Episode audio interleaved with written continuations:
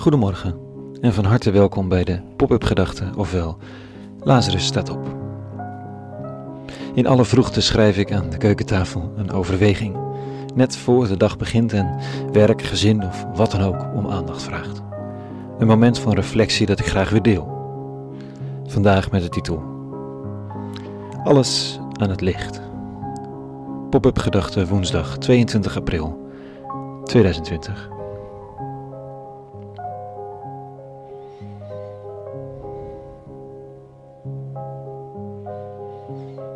Hij is kunstenaar, ergens in de Verenigde Staten. En hoe hij ertoe kwam, weet ik niet. Misschien weet hij het zelf ook niet, trouwens. Maar wat hij deed was dit. Hij stuurde 100 blanco briefkaarten met zijn eigen adres voorgedrukt en een postzegel naar 100 willekeurige mensen. Hij vroeg hen om op de blanco kant in een eigen gemaakt kunstwerkje, anoniem, een geheim te verwerken wat ze nog nooit aan iemand hadden opgebiecht. En dat naar hem op, op te sturen. Tot zijn stomme verbazing kreeg hij binnen korte tijd al zijn kaarten terug en kreeg hij er meer. Blijkbaar hadden mensen erover gepraat en wilden me meedoen. Hij publiceerde de kaart online en nu loopt het project al jaren. Hij is boeken gaan uitgeven waarin pagina na pagina kaarten staan afgedrukt. Alle verschillende landen zijn ze gepubliceerd. De reeks online is eindeloos. Meer dan een half miljoen geheimen ondertussen. Is prachtig, het is aandoenlijk, het is verdrietig, het is helend, het is stupide, alles. Maar de behoefte om het geheim aan het licht te brengen is groot. Gek eigenlijk.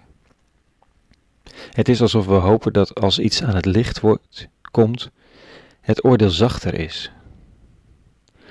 Alsof we harder zijn naar onszelf, meedogenlozer, dan we denken dat de wereld uiteindelijk is. Maar we weten het niet zeker. Dus de biecht is anoniem. Het moet gewoon van het hart. Maar waarom lucht het dan op? Als je zou denken dat het oordeel van de wereld harder is, zou het niet opluchten waarschijnlijk. Hebben we dan toch ergens een vermoeden dat het oordeel van het licht milder is dan de conclusie die we trekken als het nog in het donker blijft? Een dokter die, die geen held wil zijn en geen martelaar, maar ook gewoon thuis wil blijven? Iemand die opbiecht dat ze een greep uit de kast doet.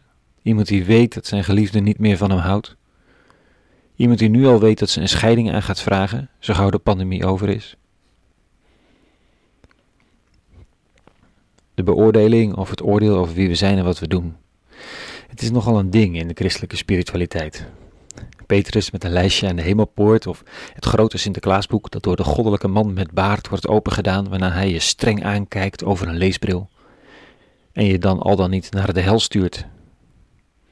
Middeleeuwse gedachten, heb ik zo de indruk. Opgekomen uit angst of een poging om het volk in het gereel te houden. Als je Jezus zelf hoort, komt er een ander beeld boven. Dit staat er vanochtend. Hierin bestaat het oordeel. Het licht is in de wereld gekomen.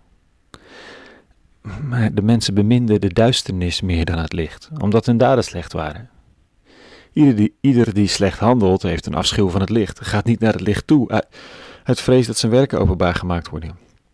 Maar wie de waarheid doet, gaat naar het licht, opdat van zijn daden mogen blijken dat zij in God zijn gedaan.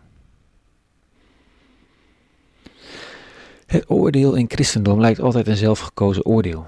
Een keuze om weg te blijven bij licht en ruimte, omdat het niet wordt vertrouwd. Het goede wantrouwen, omdat het mogelijk jou in je hemd zet. Liever de klokkenluiders slopen dan het bedrijf veranderen. Liever de journalist opsluiten dan je bekeren. Ik zie geen man met een baard op een wolk of een Petrus met een lijst. Alleen de vraag of het licht kan verdragen wat mijn keuzes zijn. Of dat ik het licht op mijn keuzes kan verdragen. En heel vaak niet, hè. Of het nou zou gaan om zinloze avonden Netflix terwijl je tegen iedereen zegt hartstikke druk te zijn. Vrome woorden terwijl je twijfelt of je daar wel in gelooft. Er is zoveel. En het fascinerende van christendom is dat het niet de vraag stelt of je keuzes het licht kunnen verdragen. Dan zouden we allemaal wel ergens nat gaan. Onze innerlijke criticus is meestal vrij scherp afgesteld. De vraag is of we bereid zijn om keuzes te maken, vergeving te vragen, te veranderen, verlangen uit te spreken naar verandering. Dat is alles.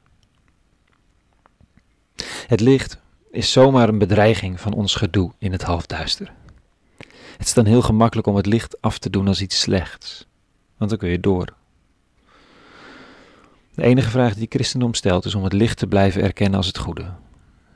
En je hart, je overwegingen, je keuzes er steeds meer op af te stellen. Steeds meer ruimte, steeds meer licht, steeds meer dat hart en handen open. Volmaakt zijn we niet, worden we ook niet. Maar de hartkamers kunnen op een kier. Doodeng en weldadig uiteindelijk. Of je dat nu per postkaart doet of niet. Een hele goede woensdag gewenst vandaag. En vrede. En alle goeds.